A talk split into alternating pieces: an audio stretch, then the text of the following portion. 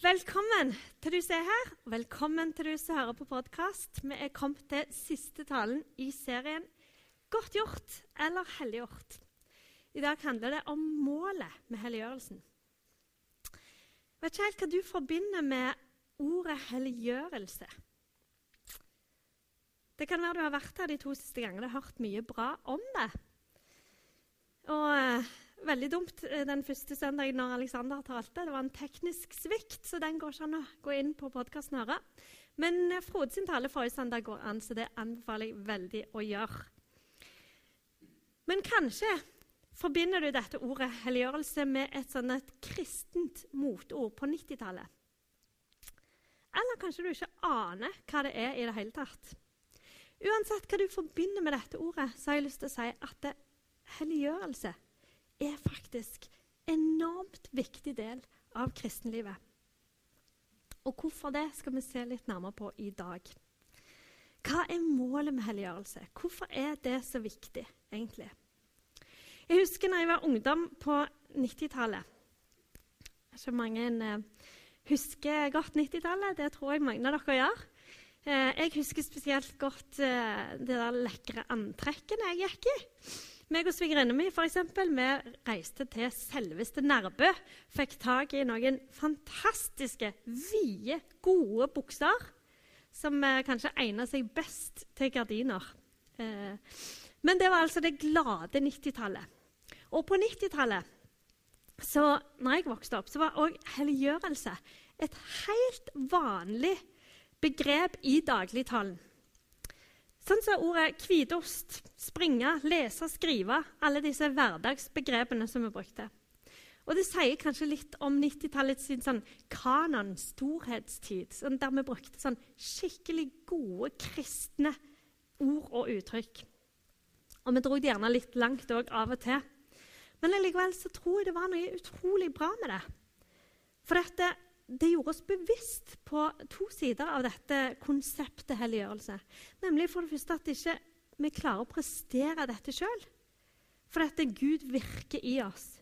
Men samtidig så må vi tillate han å gjøre det. Vi må gjøre oss tilgjengelige for han til å virke i oss. Eh, og det var Frode litt inne på forrige søndag. At det, det krever av og til at vi tar noen gode valg. Så jeg slår et slag for det 90-tallet som jeg vokste opp i. Der vi var opptatt av at Gud skulle virke i oss, at han skulle få prege våre liv. Og så tror jeg absolutt at det er det vi ønsker i dag òg. Dette konseptet helliggjørelse det har overhodet ikke gått ut på dato. Men eh, kanskje tenker du at det begrepet helliggjørelse har gjort det. Men helliggjørelse er høyaktuelt. Og hvordan da? Jo, vi ser jo at verden trenger å få møte Jesus. Livredderen. Han som kan tilgi. Trøsteren. Han som kan gi oss en fred som ikke noe annet i verden kan gi. Så hvorfor er det viktig at meg og deg er opptatt av helliggjørelse? Jo, nettopp sånn at mennesker kan få se og kjenne Guds godhet i oss og gjennom oss for at vi skal være uh, ustoppelige bærere av evangeliet om Jesus Kristus. Jeg leste nettopp en bok av ei dame som heter Christine Kane. Og den boka har tittelen 'Unstoppable'. Ustoppelig. Og hun um, snakker der, eller har tatt bilde fra friidretten. Fra 400 meter uh, stafett. Og I stafett er det jo sånn at uh, der er det én som starter, og så veksler eh, med en annen osv. osv. Og der trener de mye på denne vekslingen, på å gi fra seg og ta imot denne stafettpinnen. Og vekslingen er nødt for å være bra og presis for at uh, de skal få en sjanse til å vinne løpet. ikke sant? Men det er òg viktig i stafett å utnytte styrkene til hver enkelt løper. Sant? At den som er kjapt ute til å starte, gjør det, og den som er god på innspurten, gjør det. Og så når alle gjør sitt beste, og når vekslingene er presise, så ligger alle forhold til rette. Og da blir dette laget ustoppelig med tanke på å gå for medalje. Men hvis bare den første for eksempel, gjør sitt beste, og de andre svikter, da er det umulig for laget å vinne. Og sånn er det egentlig med Guds menighet òg. Den funker ikke å satse på sånn solospill.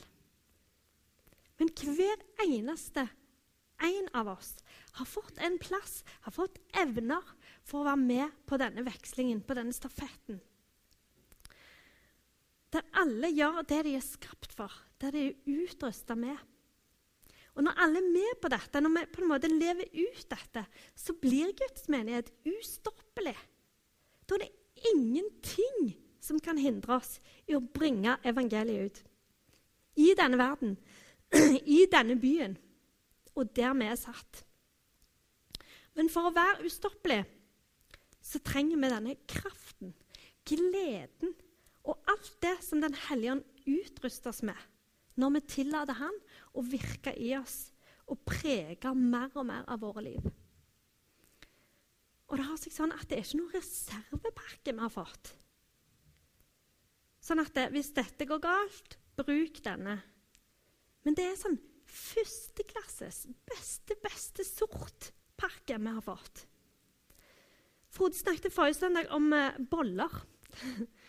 om, eh, han sammenlignet denne heveprosessen med helliggjørelsen. Jeg har lyst til å ta det bitte litt videre. For heveprosessen er kjempeviktig for å få gode boller. Jeg vet ikke om eh, dere husker um, Ingrid Espelid Hovig, NRK sin TV-kokk på 70-tallet. Hun hadde alltid sånn at hun skulle jukse litt. Sant? Og det er bare ikke lurt for å få dette gode resultatet med bollene. Vi kan ikke jukse. Og disse her nye hurtigløsningene med 1, 2, 3-boller og mikrobaking Jeg vet ikke hva det er. Det er heller ikke tingen for å få et best mulig resultat. For de 1, 2, 3-bollene er sikkert kjempegode når de er nystekte. Men for å få de aller beste bollene, så eh, trenger bakeren å ha de beste ingrediensene. Og han trenger at han vet hvordan han skal gå fram for å få det aller beste resultatet. Og Når det gjelder gjærbakst, så har jeg hørt at uh, mye av den framgangsmåten handler om tålmodighet. Og der kommer jeg til kort. Så Det er derfor jeg ikke er så veldig god på boller. Um, ikke så helliggjort ennå, kanskje. Men altså, for å ta denne illustrasjonen videre så Se for deg Gud som bakeren og oss som bolledeigen.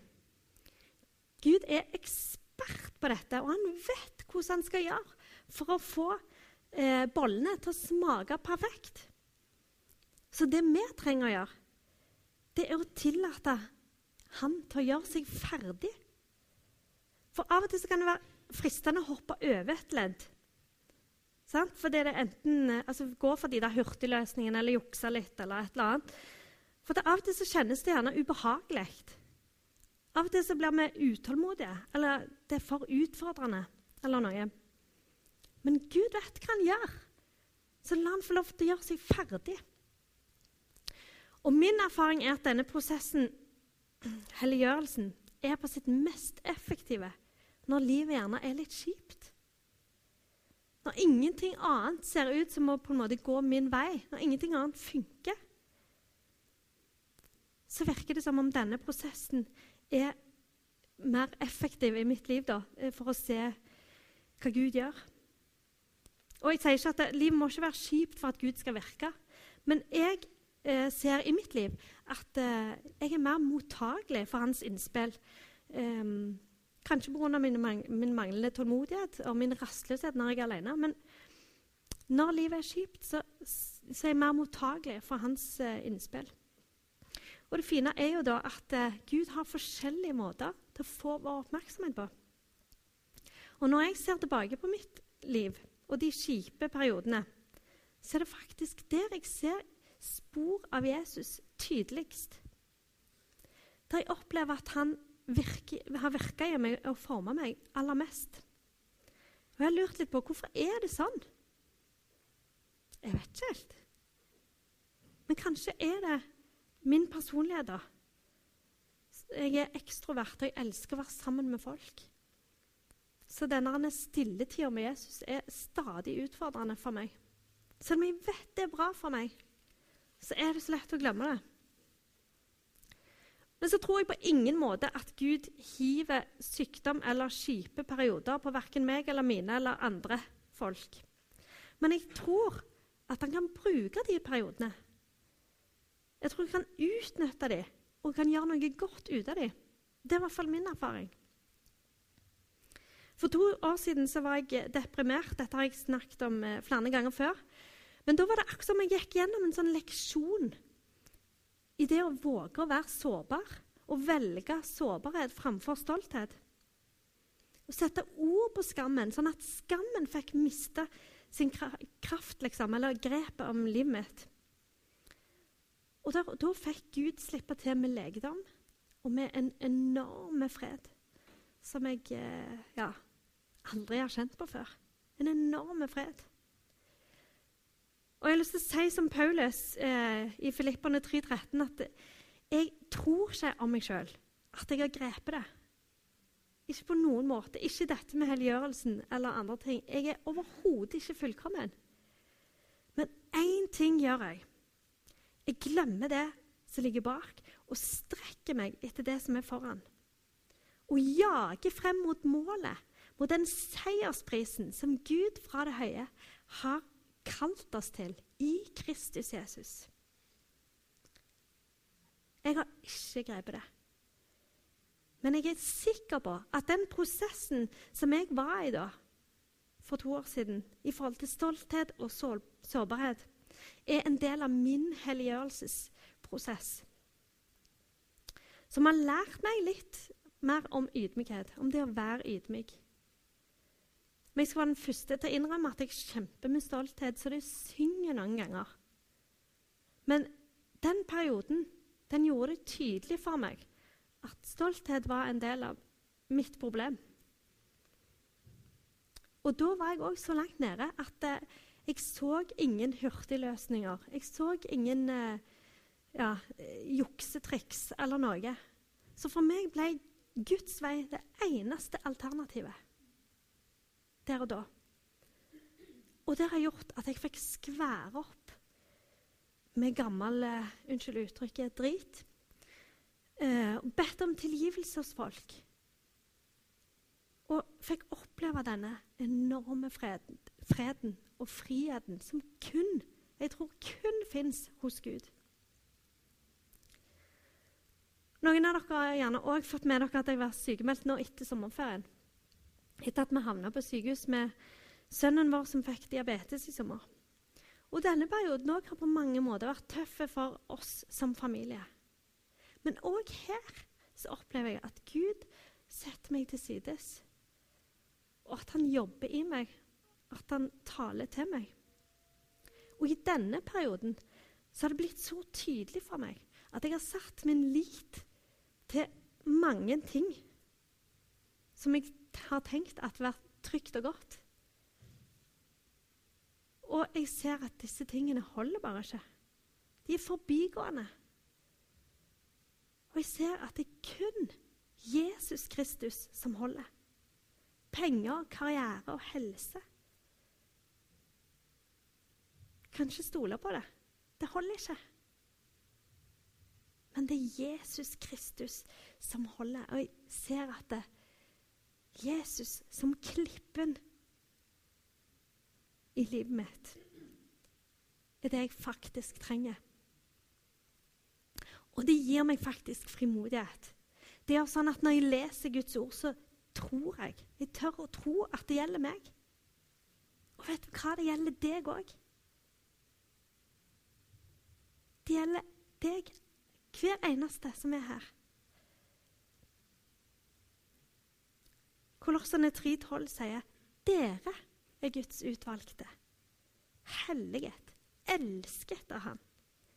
Du er utvalgt. Du er gjort hellig. Du er elsket av Han. Du er så enormt regna med i denne stafetten, i denne vekslingen. I dette oppdraget som vi har fått, å vise hvem Jesus er til resten av verden. Selv om Gud er den som virker i oss og former oss, så har vi òg fått muligheten til å velge om han skal få lov til å gjøre det, om han skal få lov til å virke i oss, eller om vi heller vil gå for våre egne løsninger. Så på et eller annet tidspunkt så må vi gjøre oss tilgjengelige. Så må vi la han få lov å virke. Hele vårt liv. Ikke bare på søndagen, men hele livet vårt. Hvorfor det? Jo, hva skjer når folk gjenkjenner Jesus i oss? De får lyst til å kjenne han. De får lyst til å tro på han, de får lyst til å følge han. For Jesus var og er attraktiv.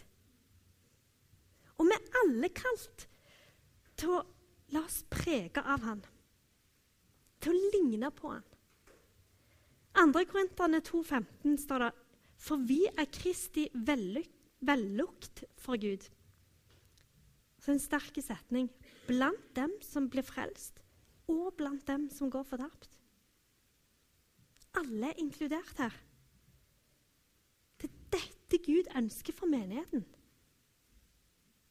At vi skal ligne han, at vi skal reflektere han til folk rundt oss. Som en refleks, altså. Når det blir lyst på refleksen i mørket, så ser vi han. Og når han lyser på oss, så får han lyse ut til menneskene. Paulus sier i Kolossene 3,5.: La det jordiske i dere dø. Og så sier han videre i vers 8.: Men legg nå av alt dette. Sinne, hissighet, ondskap, spott og rått snakk. Og lyv ikke for hverandre og så kommer poenget, som er så lett og så utrolig vanskelig. For dere har kledd av dere det gamle mennesket og dets gjerninger. Det er rett og slett som et sånt klesplagg som vi tar av oss før og etter troen på Jesus. Vi tar av det gamle og tar på oss det nye. Og ifør dere det nye, det som blir fornyet etter sin skapers bilde, og lærer ham å kjenne. Her er ikke greker eller jøde, omskåret eller uomskåret, barbar, skyter, slave eller fri. Altså sivilstatus, yrke, det du er, har ingenting å si. står det Nei, Kristus er alt og i alle. Og med det utgangspunktet Kristus er alt og i alle. Så leser vi versene etterpå. Dere er Guds utvalgte, helliget, elsket av Ham. Kle dere derfor i inderlig medfølelse. Og vær gode, milde og tålmodige. Og her kommer de nye klærne inn. Sant? Og hvorfor skal vi kle oss med dette? Jo, så det er bare over med hverandre og tilgi hverandre hvis den ene har noe å bebreide den andre som Herren har tilgitt dere. Sånn, på den måten, skal dere tilgi hverandre. Og over alt dette kle dere i kjærlighet, som er det båndet som binder sammen og gjør fullkommen. Og dette trenger vi hjelp til. Gud må få prege oss og valgene våre for at dette skal skje. Det er hans kjærlighet som gjør fullkommen. Og tenk hvordan det ser ut da, når alle oss som er her, ser og tror på at hver og en av oss, at jeg og deg, alle At vi er gjort hellige. At vi er kalt. At vi er utvalgt og satt her. Fordi Gud har en enormt bra, en skreddersydd plan for deg til å ligne på han, til å lukte av han for de rundt deg. Og vi er Guds menighet her på jord. Vi er kalt til å være ustoppelige. Ingenting skal forhindre oss. Og det budskapet vi har, er det eneste som holder til syvende og sist. Så vi kan få lov til å være stappfulle av frimodighet når vi er bærere av dette. Der vi er, på de plassene vi er. Vi kan ha all mulig frimodighet. For alt vi trenger til å bære dette, det har vi fått. Alt vi trenger for å nå ut med budskapet, det har vi fått. Og Jeg er utrolig glad i Efeserbrevet. Jeg siterer det mange ganger. Men det sier på en så fantastisk måte alt det vi har fått. F.eks. i kapittel 1, vers 18 står det hvor rik og herlig hans arv er for de hellige, og hvor overveldende hans kraft er hos de som tror. Med denne veldige makt og styrke reiste han Kristus opp fra de døde og satte han ved sin høyre hånd i himmelen. Dette eier vi. Dette har vi fått. Så jeg har lyst til å si til deg som tenker at du ikke har det som skal til, at du ikke strekker til Jeg vil bare si det er ikke sant. Det er faktisk ikke sant. For Bibelen forteller deg noe annet. For i Han, når Jesus får lov til å prege oss ved Den hellige ånd, som faktisk bor i oss, så har du alt. Og Gud har kalt deg til å være ustoppelig. Så min utfordring er ikke hør på den stemmen som sier at du ikke er god nok. At du ikke kvalifiserer til å ha en sånn unik eh, posisjon i forhold til hver Kristi vellukt og bære evangeliet ut der du er. For Gud virker i deg. Han har gjort deg hellig. Satt oss her i en menighet og vi skal få lov å tro det, at Gud har gjort oss hellige. At han hele tida jobber i oss. Så gjør deg tilgjengelig. Tillat han å få fortsette det verket i deg. Vi trenger alle det. Sånn at Misjonskirken Stavanger kan vise hvem Jesus faktisk er. Og ligne på Jesus. Fordi det er det denne byen trenger. Jeg kjørte foreldrene mine til flyplassen her før høstferien. Og da sa mor mi plutselig Du, jeg var på middag med han eh, Ahmad. Og jeg bare Hæ? For dere som ikke kjenner historien, så kom altså Ahmad her til menigheten. Eh, eller det vil si, han bankte på døra, på kontordøra i januar 2014 og trodde vi var et alarmselskap. Så han ville veldig gjerne bare få være med å hjelpe, fordi han hadde sånn elektroingeniørbakgrunn. Og vi prøvde å forklare at det var en kirke, dette. Og det endte med at eh, Ahmad kom på gudstjeneste, satte seg på bakerste benk og forsto ingenting. Men han opplevde en atmosfære. Han opplevde kjærlighet fra de menneskene som tok kontakt med han og hjalp han. Og det var ikke bare én søndag, men han fortsatte søndag etter søndag etter søndag. Helt til han flytta til Bryne. Da ble det litt for langt for han å dra inn her. Men nå, forteller mor mi, nå er han eh, fast i det KIA-miljøet, kristent innvandrerarbeid. Og han har et sterkt og gripende vitnesbyrd der blant de folka om hvordan møtet med Misjonskirka Stavanger har vært for han, hva det har betydd for han. Og det er det det handler om, folkens. Det er det det handler om. At vi er kobla på Jesus, sånn at han kan koble på flere. En slags sånn seriekobling, ikke sant? Og i dette så er du unik. Du har en kjempeviktig del i dette. Skal vi be? Himmelske Far, jeg priser deg for at du har kalt oss, du har utvalgt oss, du har gjort oss hellige, og du elsker oss, Herre. Herre, nå ber jeg om at du skal gjøre det tydelig for oss i vårt indre. Herre, kom til hver og en. Jeg ber om at hver og en skal få kjenne på hvor viktig du syns hver og en av oss er. Og Jeg ber om at du skal gjøre det tydelig for alle oss her inne hva slags plan og hva slags utrustning, Herre, og hva du har tenkt for hver og en. Takk for at dine tanker er så utrolig mye høyere og større enn våre tanker. Og vis oss det, Herre. Vis oss hva du har tenkt. Hjelp oss til å løfte blikket, Herre. Og se hva du har tenkt med våre liv, Herre. Med menigheten her i sentrum, Herre med denne byen, Herre.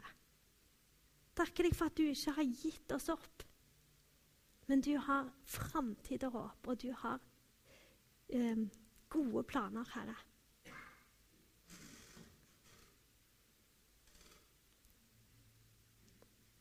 Herre, hjelp oss sånn som så Popkorn sang, Herre. Hjelp oss til å reise oss opp og ta, innta de posisjonene som du har tenkt at vi skal ha, Herre.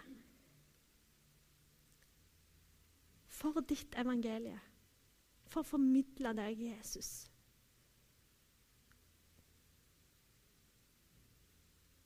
Kom med din ånd, Herre. Kom og virk iblant oss. Kom og tal til oss. Kom og gjør ditt verk iblant oss. Vi trenger deg. Vi er helt avhengig av deg.